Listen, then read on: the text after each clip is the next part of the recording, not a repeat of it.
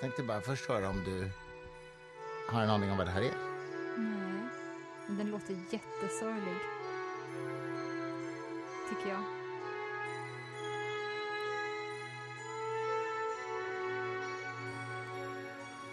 Låter svenskt. Nej, det är det faktiskt inte. Mhm. Det här är, förstår du... Den här musiken fick en Oscar för bästa filmmusik. Nej, men. Nej, Jo. då måste det vara... Det här är jättekul. Det här är lite gissningslek här. Skål. Skål. Än, så länge, än så länge kanske jag inte riktigt ser kvaliteterna som uppenbarligen då Oscarsjuryn såg. Nej, Eller hörde. jag- är benägen att hålla med om det, ehm, faktiskt. Jag förstår inte varför alla i Oscarsjuryn ska få vara med och rösta om musik när de uppenbarligen inte kan någonting om musik. De är bara dumma skådisar. Nej, men det här är faktiskt eh, musik till filmen Chariots of Fire. Jag vet inte vad det är för någon heller. Chariots of Fire är en film som gjordes på 80-talet, tror jag. Den fick fyra Oscar. Den handlar om eh, två stycken... Den utspelar sig på 20-talet i någon slags eh, berömt lopp, alltså olympiad, olympialopp, tror jag. Nu förstår jag Mm. var det här Och- kommer ifrån. Nej, men det är alltså Vangelis som gör musiken. Ja, men gud. Ja, ja, ja. ja, ja, ja. Eh, det är ju, eh, ja precis, Vangelis, eh, grekisk tror jag, kompositör som dog för inte så länge sedan. ja så är det. Det här är inte den mest kända låten från, från den ehm, filmen, utan det är en annan. Men det här, ja det är i alla fall. Och det, det är två löparkillar som tävlar mot varandra. Den ena är judisk och den andra är eh, djupt kristen. Och sen så handlar den liksom om dels att den här kristna löparen inte vill tävla på en söndag för det är på liksom, vilodagen och det är massa kontroverser kring det. Och sen handlar det om, om antisemitism och sådär också förstås. Men och det är lite roligt för att den här filmen, alltså, eh, den hette Triumfens ögonblick på svenska, Chariots of Fire.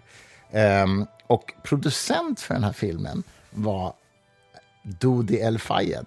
Son. Nej, men det är Dodi som är sonen. Jaha, förlåt. Jag tänker jag fel. Eh, alltså prinsessan Dianas kille som också dog i bilolyckan. Ja. Eh, men men du, du tänker på att han var ju däremot son till den här arabisk-engelska ja, affärsmannen som köpte Harrods. Mm. Eh, så det är en sån här lite rolig filmkuriosa. Nåväl, nu ska vi inte prata mer om det. Enda, enda filmsuccén han fick ju var det. Ja, precis. Dodis. Dodi. Älskling, skål igen. Grattis Skål. på ehm, bröllopsdagen. Tack detsamma får man Idag. säga. Vi delar ju faktiskt bröllopsdag. Ja, visst är det, samma dag- Det är samma märkligt. datum. Det är så praktiskt. Det är jättepraktiskt faktiskt. Men jag måste bara säga, Vangelis, eller Vangelis, han var ju Mm. den som tog in synten i filmmusikvärlden Ja, ja, men det kan första jag- gången. Det kan jag tänka mig. Eh, han, han var ju liksom, han gjorde ju musik med, med syntar helt enkelt. Eh, eh, jag måste bara spela Han har gjort den... mycket annat fint också. Som inte, jag gillar ju inte syntar så mycket, Nej. men han gjorde jättefin stråkmusik till eh, 1492, eller är det 1491 den heter? Jag minns. Ja, det året som Col- Columbus åkte till 92 kanske? 92. Eller var det va? 72? Nej, det Nej, var det inte. 92. Men du, får jag bara, får bara, det här känner ju alla till. Ja, som tyvärr naturens värld förstörde då. För det enda som Ja, man ser framför sig, just det är ju den här jävla örnen som flyger i slow motion. Ja, Det är det man ser nu. ja men du har, du har rätt. Men det här är ju också från Det Chariots går, of aldrig, Fire. det går aldrig att få tillbaka den här låten till att man kan njuta av den. För det är bara man väntar på att E-Types pappa så kommer man börja prata vilken sekund som helst. Bo Eriksson hette han, ja, ja, visst. Eller. Eller, eller höll han på med vädret? Nej, det gjorde han inte. Nej, nej, nej. Jag har rätt. Bo satt där, pratar om Ja, naturen. Ja. Eller teknik också. Nej. oklart. Ja, ja, ja, Det gud, när, jag, när jag var barn, långt innan du var född, så fanns det ett SVT-program som hette Reservdelsmänniskan. Var, varför säger du det på den Jo, dialekten? därför att jag tror att i någon slags trailer för det programmet, alltså begreppet trailer fanns ju inte ens då, men så hade man, alltså det var en robotröst som sa reservdelsmänniskan, för det handlade om, eh, så att säga, teknologiutveckling och inte minst i, i symbios med människan. Det är ganska roligt. Det här är alltså på 80-talet, eller 70-talet kanske till och med. Ja. Och eh, idag har man ju kommit lite längre med just eh, det, kan man, kan man tycka. Jag sk- önskar att jag skulle få träffa någon som jag kan ställa den här frågan till. Mm. Jag kan ju såklart ställa den till vem som helst, men som skulle kunna ge ett insiktsfullt svar också gärna. Mm. Och det är ju, var det så att Stephen Hawking faktiskt blev upplyst? Alltså andligt? Eller vilken nu... eh, Den ALS-sjuke Ja, forskaren, ja. Stephen Hawking. Ja, precis. Jag tror inte såklart då... att- Vad menar du då? Liksom? Jo, men det var apropå robotrösten då, så kom jag att tänka på det här. Mm. Att han hanterade sin sjukdom på ett sånt otroligt bra sätt. Mm. Han var ju inte alls... Eh, han identifierade inte sig själv vid kroppen, vilket är ett typexempel på en upplyst människa. Ah, ja, okej. Ja, ja, Eh, utan han var, han, allt som jag har hört honom säga som har att göra med hans personliv, då har han gett uttryck för att vara helt fri. Han, han, Mm. han bär inte sin sjukdom överhuvudtaget, vilket ah, 99 procent av övriga mänskligheten skulle göra. Och då tänker jag, vad hände med honom? Det är som att han, eh, ja men att han blev en, Gandhi i insikt om vad han var för någonting. Alltså, han, han var ju utan tvekan upplyst i den meningen att han helt och hållet levde sitt liv i en abstrakt tankevärld och där han ju också presterade, får man nog säga, ganska stora vetenskapliga insatser. Ja. I den meningen var han ju upplyst. Eh, sen kan man diskutera om man ska kalla det andligt upplyst, men det är en, det är en Nej, men det behöver man ju såklart inte, Nej. Mm. men det används oftast, jag, jag hör väldigt sällan folk använda det utanför andliga sammanhang, det ordet alltså. Nej, annat än eh, i upplysningstraditionen, men det är ju en annan sorts upplyst. Ja, precis, man säger ju inte om dem, man säger inte om Descartes eller om Voltaire att de var upplysta. Det säger man Fast det skulle inte. jag vilja säga. Men gör det då. Men vad är det man... Vad Nej, men, men, men utan tvekan var han ju... men- Nej, men alltså din, din poäng är ju jätterelevant att han var ju... Han hade ju ingen nytta av sin kropp överhuvudtaget. Nej, precis. Eh, vilket ju måste ha inneburit att han så att säga helt och hållet liksom levde sitt liv i tankens värld, verkligen bokstavligt talat. Ja, Och det är fascinerande. inte i tankens värld kanske. Man, eh, när man är picky om de här sakerna, i alla fall Mm. de mystikerna som jag lyssnar på. Och jag skulle säga så här, den judiska, kristna och den hinduiska mystiken har ju alla gemensamt att man ska släppa sin identifikation från kroppen och tanken. Eh, därför att ifall du fortfarande lever i tankens värld och eh, identifierar dig med det du tänker, då är du inte fri heller. Därför att i tankens värld finns sjukdomstillstånden. Där eh, säger tankerösten saker av sorten eh, vad det här är obekvämt eller jag önskar att det varit på något annat sätt. Så att man kan fortfarande använda sig av tanken som en upplyst person, men man lever inte enbart i den. Det kanske låter eh, märkligt, men jag ska bara säga en sak till. Vad alla mystiska traditioner har gemensamt, det är ju just att bli fri från kroppen. Och förstå, eller inte fri från kroppen, man kan säga så här, att förstå att man inte i huvudsak är kroppen.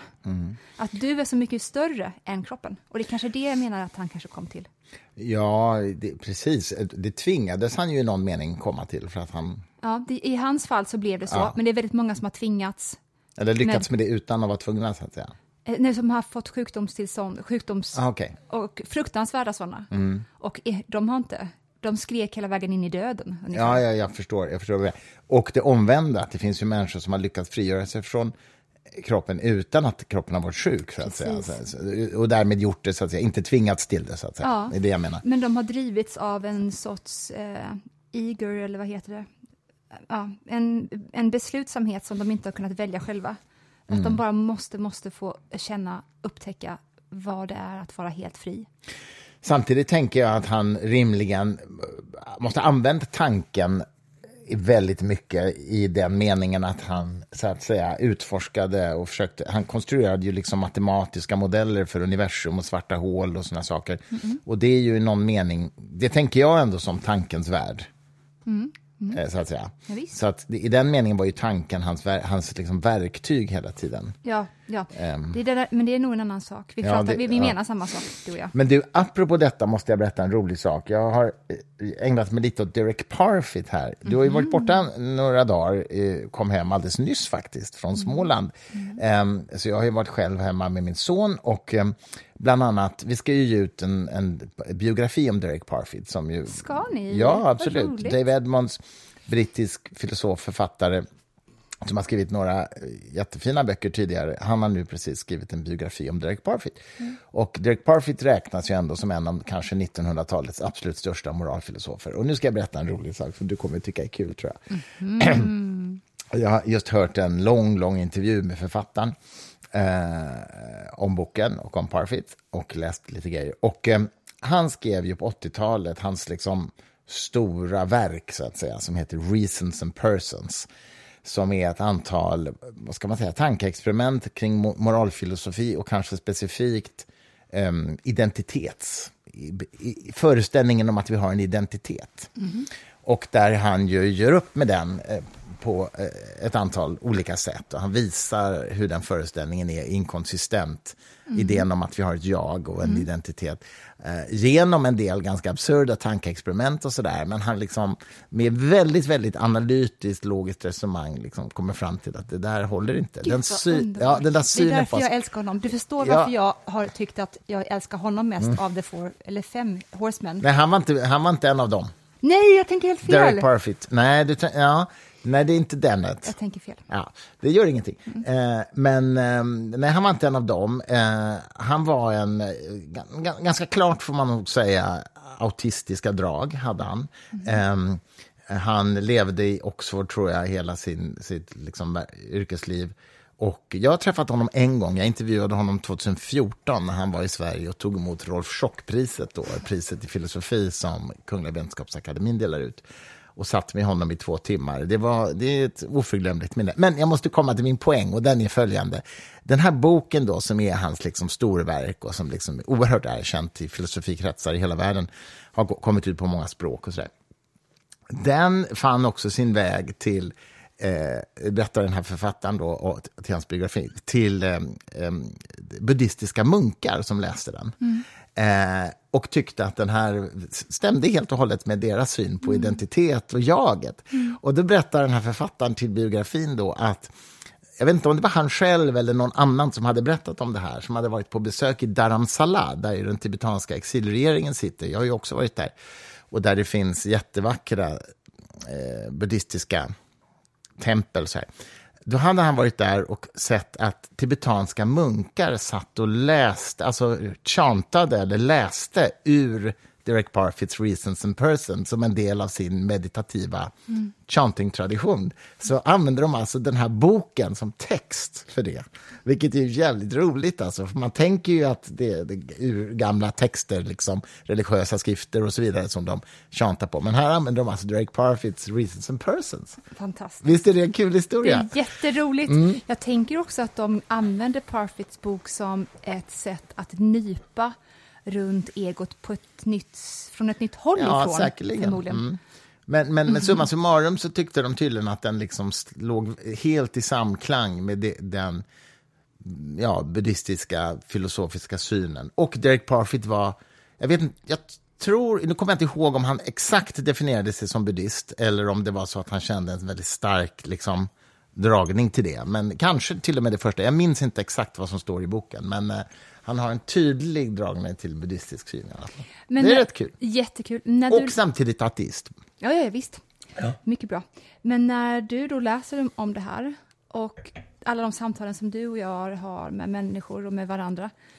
Eh, blir du orolig av tanken på att individualiteten inte finns, åtminstone så som vi föreställer oss den? Och blir du orolig av tanken på att jaget blott är en illusion? Nej. Nej. Nej, faktiskt inte alls. Jag tänkte på det när vi pratade häromdagen också på lunchen om det här med hur man ser på consciousness och sådär. Mm. Eh, och, och du, du brukar säga till mig att för, för dig är det inte så att säga en ska man säga, en, en empirisk reflektion över vad som är mest rimligt, utan det, det är erfarenhetsbaserat för dig hur du ser på liksom, eh, ontologin? Ja, I första hand skulle jag vilja säga att det är erfarenhetsbaserat. Mm. Men det är också så att när jag ser det här ledet av eh, eh, kunskapstradition mm. som finns mm. och som är så pass gammal mm. och bred som den är och hur den också finns representerad i alla mm. kulturer, mm. skulle jag säga, åtminstone de flesta kulturerna.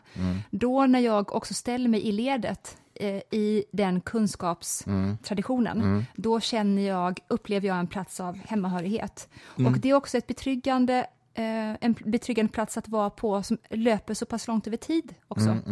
Det händer någonting där med mig, så att visst, det är väl en eh, erfarenhet det också, men det skapar i alla fall en anknytning som inte bara har med här och nu att göra. Nej, jag förstår. Det är ju i, i någon mening en slags empirisk grund, kan man säga. Ja, det, kan, Eller man en skulle, blandning. man Ja. skulle det, det, det, det, var det jag ville lägga till nämligen. Så att det finns ju ett korn av det Ja, jag också. förstår vad du menar. Jag förstår vad du menar.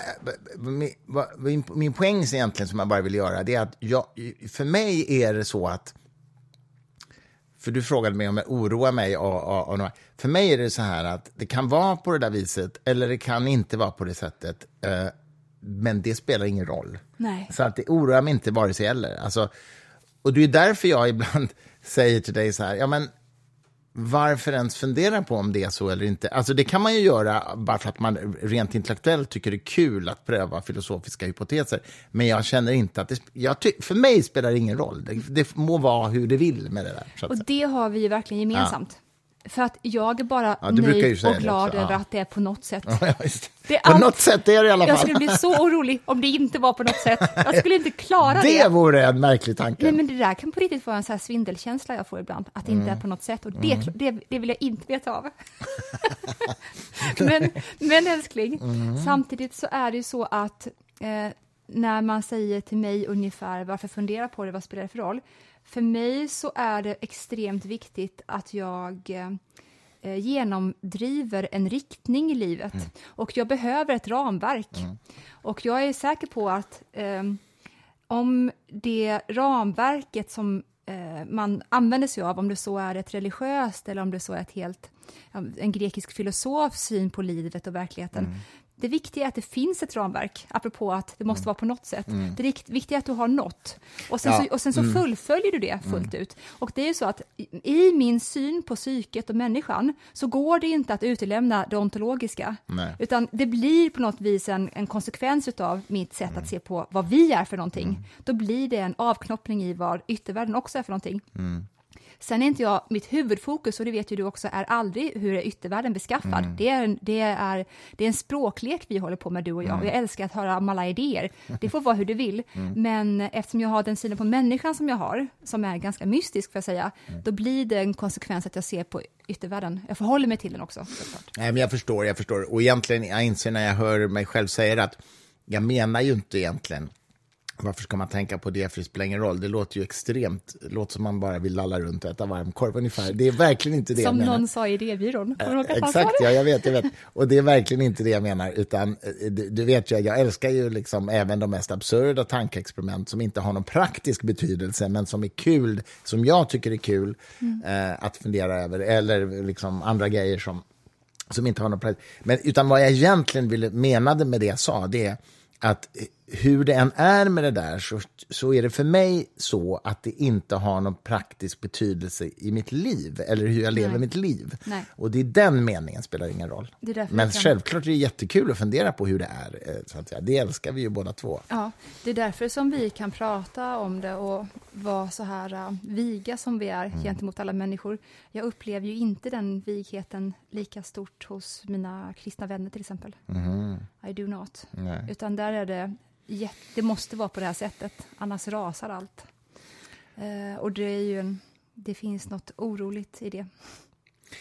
Du, ehm, eh, apropå, nu byter jag ämne helt och måste till någonting väldigt mycket mer profant. Och det är, jag såg eh, dokumentärfilmen om kungen.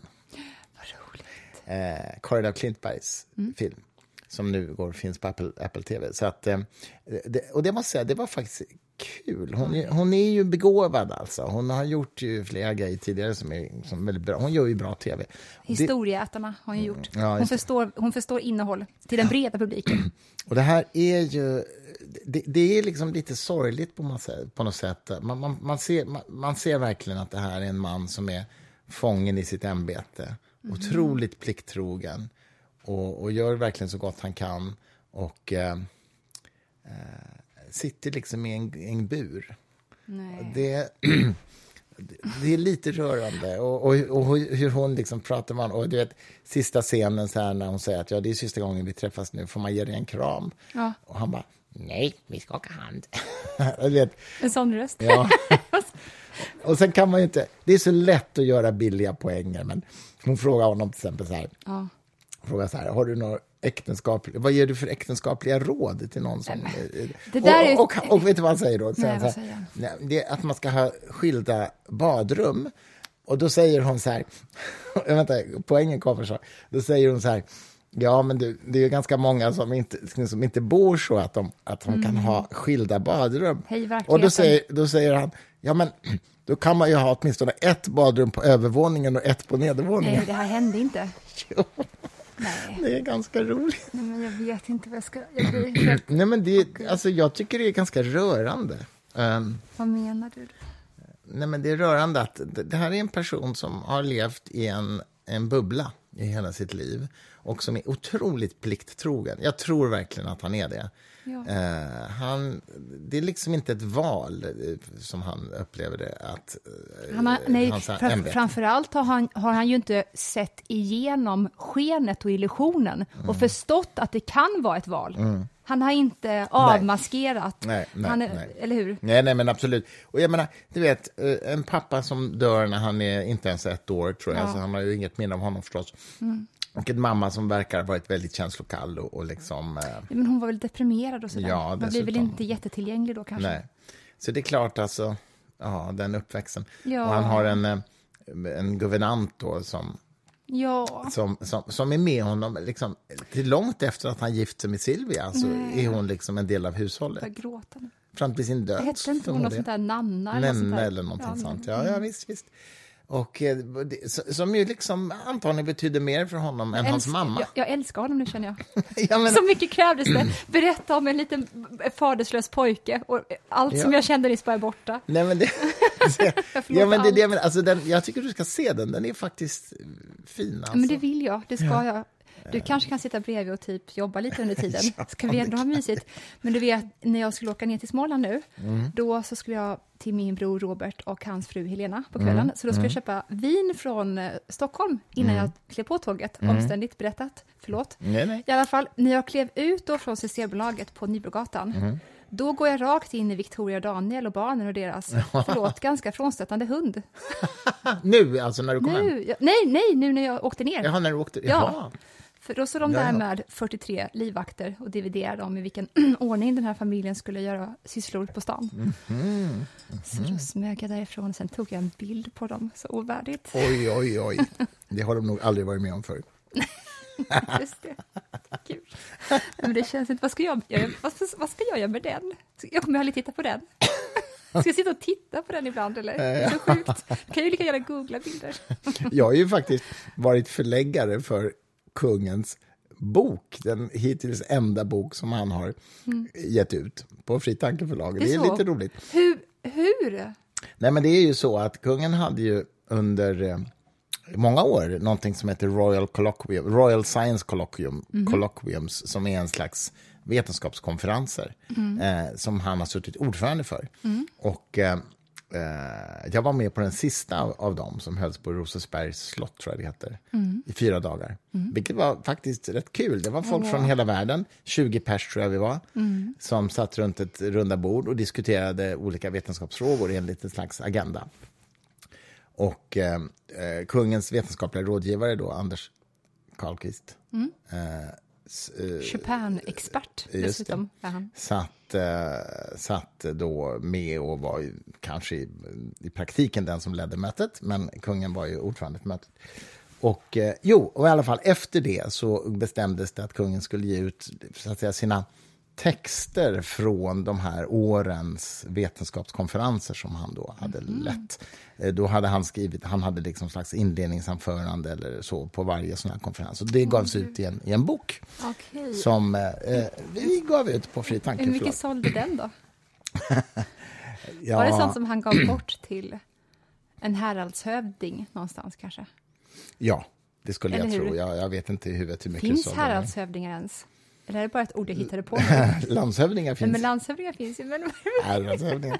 Ja, det är en bra fråga. jag vet inte. Jag inte en av mina koll. favoritdokumentärer fortfarande är ju Herr landshövding om eh, Ja, Björk... eh, Anders, Anders Björk. Mm. Som är fantastisk i svartvitt. Filmad med en sån humoristisk och ändå allvarlig vinkel hela tiden. ja, ja, ja, från, långt, långt håll så ser man hur han bara går ensam över borggården. Och det tar för evigheter Mm. också. Den skulle jag gärna se igen. Ja, kan vi inte göra det? Han, jag tror att jag träffat honom någon gång eller sådär, för många, många år sedan. Han, är, han var ju en häftig person, alltså, eller är. Ja. Jag har inte träffat honom på väldigt, väldigt länge. Jag kommer, man kommer aldrig glömma när han hy, huter åt, vad hette Mm. han då, i KU? Som han säger, du ska veta hut när du är här. ja, men precis, det kan ju inte varit Kjell-Olof Feldt. Nej, nej, nej, nej, nej, nej, nej. Alltså jag har tappat det nu. Men Ja. Socialdemokratisk minister var han på den tiden. Jag det handlade ju vet. om Ebbe Carlsson-affären Ja, och hela den här grejen. Ja, visst. Strunt samma. Jag har ju faktiskt varit jätteberusad med Anders Björk Jaha, där ser man. Det har inte jag. på en champagneprovning. Det roliga var ju att det var han som höll i den då. Men han kunde ju inte så mycket om champagne. Det var så här vintage champagne. Var han också berusad? Han var, ja, Mm. jag, jag ser inte till att bli jätteberusad ensam. alltså det var fler än han och jag där, Ja, såklart. okej, det var inte så att han anordnade- men sluta nu. Nu går vi vidare i samtalsordningen. Du, men du har varit i, i Småland du i, i nästan en vecka, eller fem dagar eller vad det är. Ja. Hur har du haft det? Skrivit en massa? Ja, det har Alltså det, jag. jag vill bara säga till lyssnarna att Victoria kom hem för liksom tio minuter, eller tio minuter innan vi började podda, så att jag har knappt hunnit säga hej. Nej, och vi sa ju också att vi skulle inte prata loss så Nej. mycket. Så det här är jättemysigt tycker jag. Ja, men det är roligt. Det är Hur har du haft att vara det? tillsammans med dig. Ja, nu, Ja.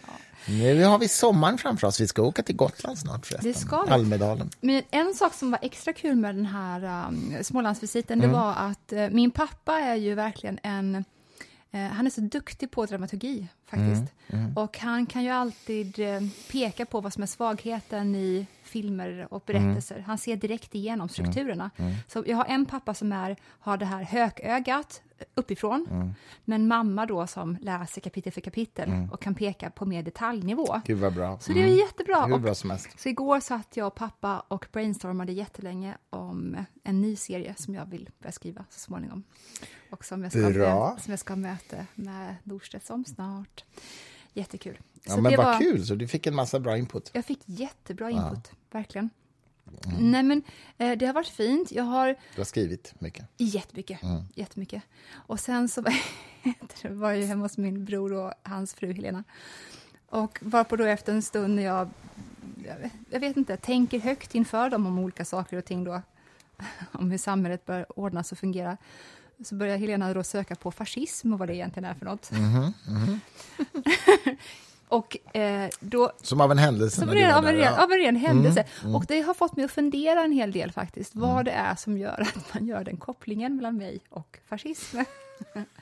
För det är kanske inte är första gången. Nej. Nej. Men saken är den att Det jag är ju lite skämtsamt, får man väl understryka. Då, det är men det. Mm. absolut. Du hann före att säga det. Men saken är ju den att jag är såklart en demokrat ut i fingerspetsarna, behöver Mm. inte ens sägas. Och dessutom så, en frånstötande idé är ju verkligen kooperatismen, tycker jag. Det kooperativa, tycker jag, ger mig panik. Mm. All form av kollektivt ägande ger mig eh, panik. Framförallt ifall Mm. det är staten som står för de byråkratiska systemen och övertagandet utav privata medel. Och det var Ja, precis men då är det det inte kollektivt ägande om det är staten som äger. Nej, men nej, nej, nej, nej, eh, så här, att staten tar från privat ägande till det kooperativa. Då le- delar de ju ut det till de som arbetar Okej, på fabriken okej, istället. ja, okej. Och det är det som man till viss del försökte göra med löntagarfonderna, apropå Kjell-Olof Feldt. Och eh, det var ju det som man gjorde då i Italien. För att staten tog fabriker, mycket konstgödningsfabriker, och sen så såg man till då att nu, ni som har varit anställda här så här länge, nu är det ni som äger de här fabrikerna istället. Så att eh, det är ju en, en märklig spegling utav kommunism egentligen. Så att de här två extremerna som kommunism och fascism är, har ju ändå det kollektiva ägandet gemensamt, även ifall då det är ehm, staten i Ryssland då som ägde alltihopa, men de tog ju alltihopa med förevändningen om att vi ska göra det här till arbetarnas, eh, för arbetarnas bästa förutsättningar. Det var ju så det var. Sen så bara råkar vi behöva administrera alltihopa, men vi gör det här för er skull, för kollektivet. Fake news fake deluxe, news. verkligen. Eh, och eh, ja, såklart, och det här med überviktiga, framförallt i vår tid nu med fri journalism och granskande journalism och eh, domstolar som inte ska gå åt den vägen som man just har gjort i Polen. Mm. Men, jag måste ändå säga det här, jag förstår att varför Helena började googla på fascism, det har nog till viss del att göra med att jag pratar så mycket om styrka. Mm. Nietzscheanskt inflytande på dig. ja, och hur jag verkligen tror att bland det viktigaste som vi kan göra med våra liv är att eh, bli starkare och starkare. Mm. Och då menar jag inte bara kroppsligt såklart, det finns de som inte har de fysiska förutsättningarna för det, utan då är det ännu viktigare med det psyk- psykiska, men också skulle jag då säga eh, det själsliga faktiskt. Mentala och emotionella och själsliga Ja, kanske, om man ja, delar man upp kan- det så. Ja, precis. Och, och bara för att jag säger själsliga så menar inte jag då att en själ återföds i nästa liv, utan Nej, nej. det bara pekar mot kanske någonting i människan som vi eh, inte har bättre ord för, men Mm. som är någonting eh, som vi alla har och alltid haft i alla tider, som går att utforska dessutom. Mm. Men det är en annan diskussion. Men jag tror ju verkligen att är det någonting som vi ändå ska försöka sikta mot varje, varje dag, så är det att försöka se vad det brister i mig, eller var jag brister för någonstans. Ehm, och detta är ju också en form av, detta är inte bara Nietzsche, detta är ju Ignatius utav Loyola. Att i slutet av dagen gå igenom, var, var inte jag, var nådde inte jag fram med mig själv? Eh, vad var inte jag den bästa versionen utav mig själv? Och eh, om man inte vågar titta på det, vilket då självreflektionen innebär ju att man tittar på det där. Om man inte tittar på det, då blir det projektioner utav det istället. Därför att allt det där som jag inte vill se i mig själv, och det här kommer ju då det jungianska in, allt det som jag inte vill röra vid, det äckliga, gegget. Projicerar man på någon annan eller Exakt. på något annat? Precis. Så att det här är ju en form av, eh, man kan säga det, att det här är en form av cirkelutövning man gör, som man kan kalla för att bli starkare. Men det är ju att man blir starkare genom att se var jag brister, genom att se var jag är svag, eh, vad jag inte håller ihop, vad jag inte fullföljer för någonstans. Eh, och jag tycker att verkligen, av, jag kan inte, jag skulle vilja prata med någon idéhistoria om det här, när det började bli så pass fult ord med styrka egentligen.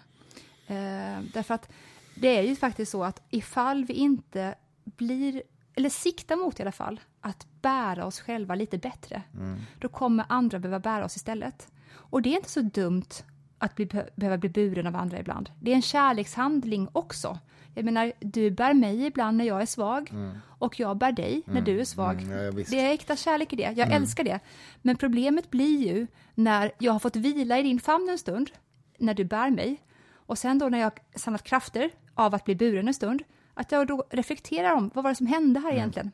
Eller hur? Ja, ja, Och ibland kan man verkligen bara reflektera om detta om man har fått bli buren en stund. Vi behöver bli burna också. Det är jätte, jätteviktigt. Men varför tror du att styrka har blivit lite skambelagt då, som begrepp? Ja, den enkla förklaringen, och där litar jag inte på mig själv alls, det är ju att vi har haft ett socialdemokratiskt styre så pass länge som vi har haft. Och att i kombination med kristendomen, att man ska stå på den svaga sida och sådär. Och att det har gjort att man tror att motsatsen, för vi är ju vana att tänka i motsatser, att, eh, att stå på den svaga sidan är någonting fint. Därmed att eh, premiera den starka, eller styrka, då är det dåligt.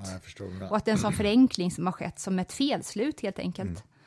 Därför att det är ju så att det behövs ju styrka för att också kunna bära den som behöver bli buren. Ja, precis så. Och saken är den att om, om man ska sikta mot någonting här i livet så är det ju att, de flesta har ju barn, det är att ens barn inte ska bära en. Eller hur? Ja, ja, ja, är Och tar du inte hand om ditt liv, barn har en sån programmering i sig att hela deras överlevnad vilar i era händer. Då kommer de få en reflexmässig inställning till dig som att jag måste bära mamma eller pappa. Och det vill man inte. Ja, det är ju livsfarligt och det är ju det som gör att barn som till exempel växer upp i alkoholisthem och så vidare Ja. eh, blir så livslångt traumatiserade av det och Exakt. påverkade av det. Så att säga. Precis så. Och de får aldrig, eller det är väldigt svårt för dem och utmana, utmanande för dem, ska man säga istället, att få en sund, sund relation till vad omhändertagande Mm. egentligen bör vara för någonting.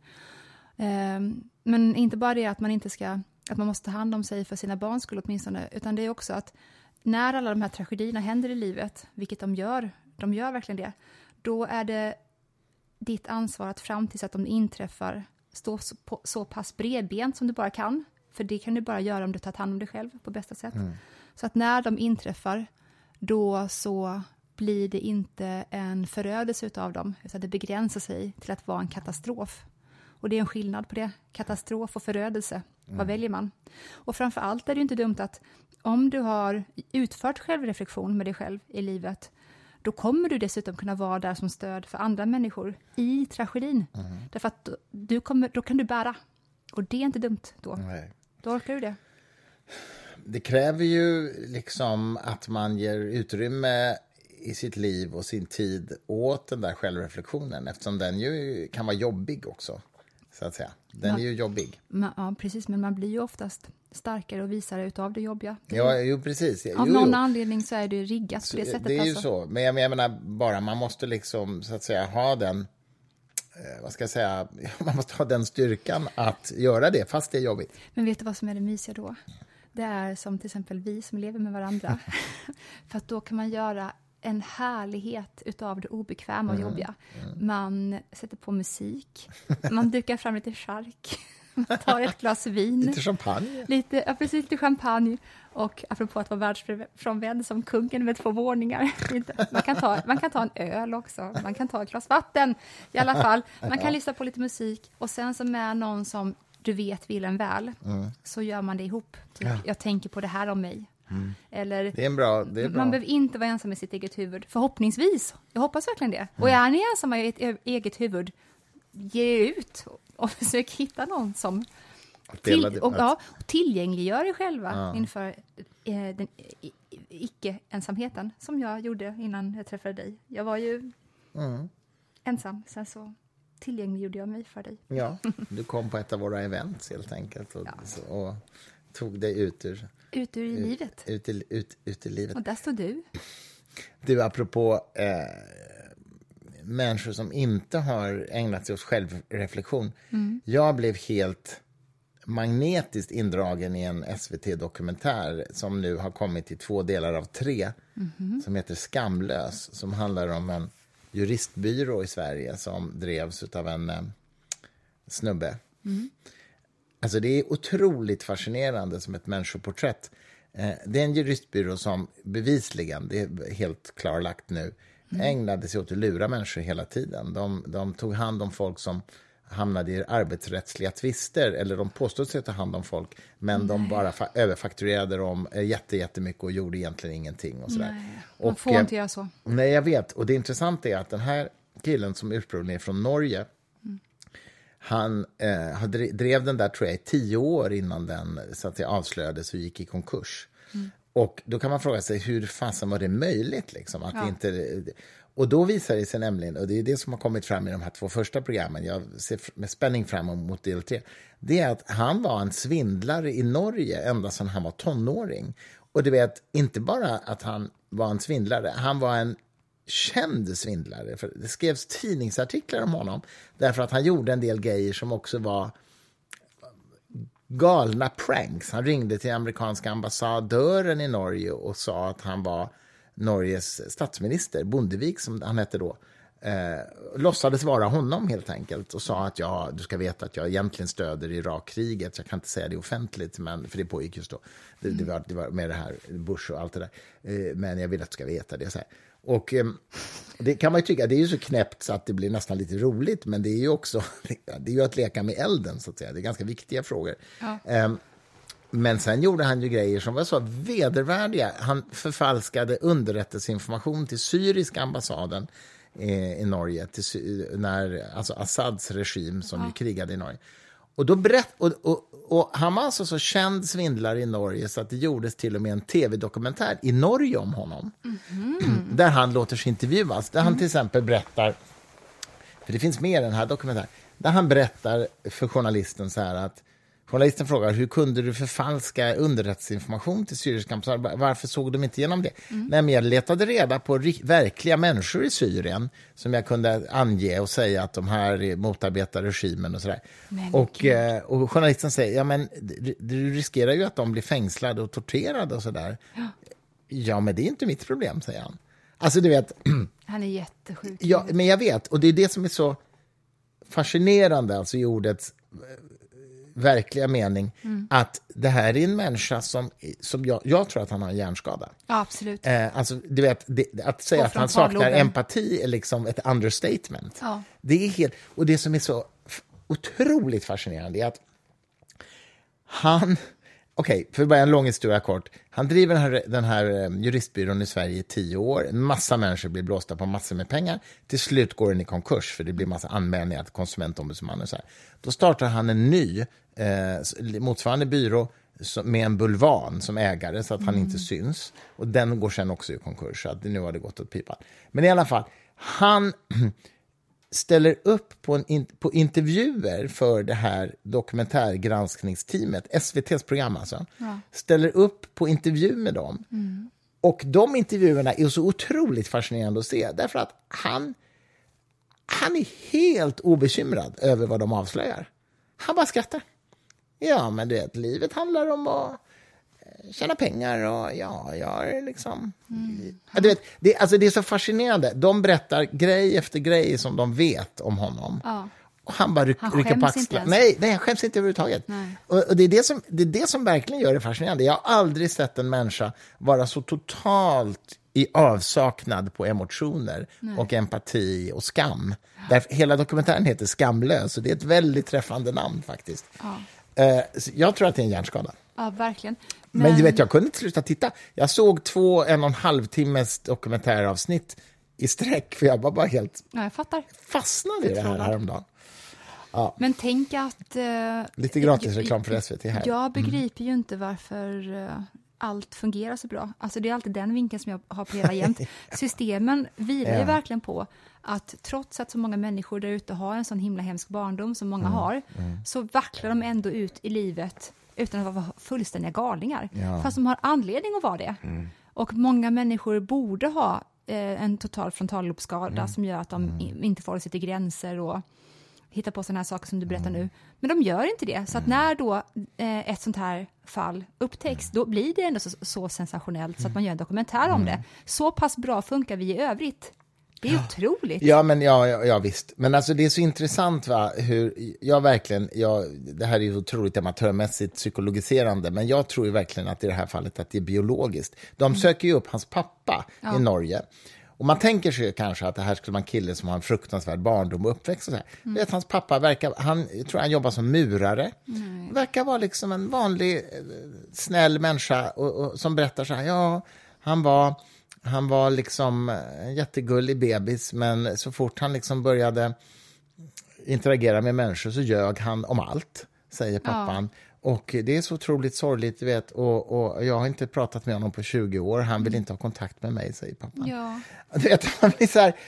Ja, Ja, men det här går ju också så emot hela den socialkonstruktivistiska Aktivistiska, ja, mm. synen på vad människan är Ja, för någonting. ja, och det blev ju sådana himla upprörda eh, kritikerröster när den här boken There's something about Kevin kom ut, som handlar en, om en skolskjutare. Och hur mamman i den boken märker från början att någonting är riktigt, riktigt fakt. Mm. Och de gör allt som sunda demokratiska föräldrar i USA på östkusten ska göra. Eh, du vet, de bara överöser honom med kärlek hela tiden. Och sen så växer han upp och då till slut en dag skjuter ihjäl halva klassen. Men det, det är kontroversiellt att eh, säga att arv eventuellt har så mycket med saken att göra.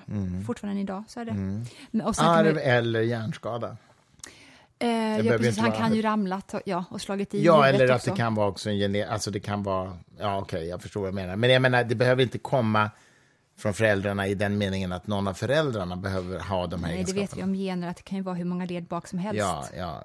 Och, det, och det kan också vara en mutation som ingen har tidigare. Dessutom, precis. Men det är i alla fall biologiskt, eller kan vara biologiskt i alla fall. Mm. Det tror jag också. Ja. Ja, det, det var bara... Jag, jag blev, det är sällan som jag sugs in i en dokumentär som jag gjorde. Du måste se den. Vi kan se tredje delen Ja, tillsammans. det i blir jättebra. Älskling, nu ska vi fira bröllopsdag och jag ska Ja, det göra ska mig vi. fin lite grann, tänkte jag, så att det inte ser ut så här. Och jag ska öppna champagnen Ska du? till en annan champagne. Eh, vad, ska vi, vad ska vi äta? det får du se. Nej. Det har jag, Jag har, försökt, redan. jag har försökt lista ut det här, eller lista ut, jag har försökt, jag har försökt fråga dig rakt flera gånger och du har inte svarat. Nej, det är sånt man får se förstår du när man oj, oj, oj. kommer Ehm, upp sen. För övrigt, vi finns ju på, såklart på Insta, på, eh, vi heter Den Gyllene Grenen där. Mm. Och imorgon så publicerar eh, Och dgg at groundcontrol.se har vi också. Där- om man det- vill mejla oss eh, åsikter om vad vi gör. kan ni alltid göra. Eller förslag på vad vi ska prata om eller vad som helst. Ja, visst. Eller kort sagt. kritik, det är kul när, när ni är arga också. Absolut. Det är jätteroligt. Hemskt gärna. Eh, vad var det jag skulle säga? Jo, det här kom ut på söndag, men i, igår, det vill säga då på lördag, Mm. då så har Smålandsposten och alla tidningar i södra Sverige ett stort reportage om mig Mhm. eh, i sin någon kulturbilaga. Det kommer alltså ut, det var på webben igår, men nu kommer det ut i papperstidningen på lördag, i deras helgbilaga. Ser du? Så är Så det. är ni, har ni en släkting i södra Sverige så säg att hon, den där som du kanske läste om, hennes podd lyssnar jag på också. Jag pratar om den gyllene grenen i intervjun också. Gör du? Vad bra. Mm, Det är utmärkt. Och så härjade du, du ju runt i idébyrån på SVT för ett par veckor sedan. Det har vi redan sagt Och i och för sig. Men, men eh, vi får se. Det kanske blir fler gånger. Mm. Du härjade ju loss ganska ordentligt. Kvinnohat. Nu ska Men vi avsluta. Ehm, Ha en jättemysig söndag. Det här var så mysigt. det var det. Och vi avslutar med lite Vangelis.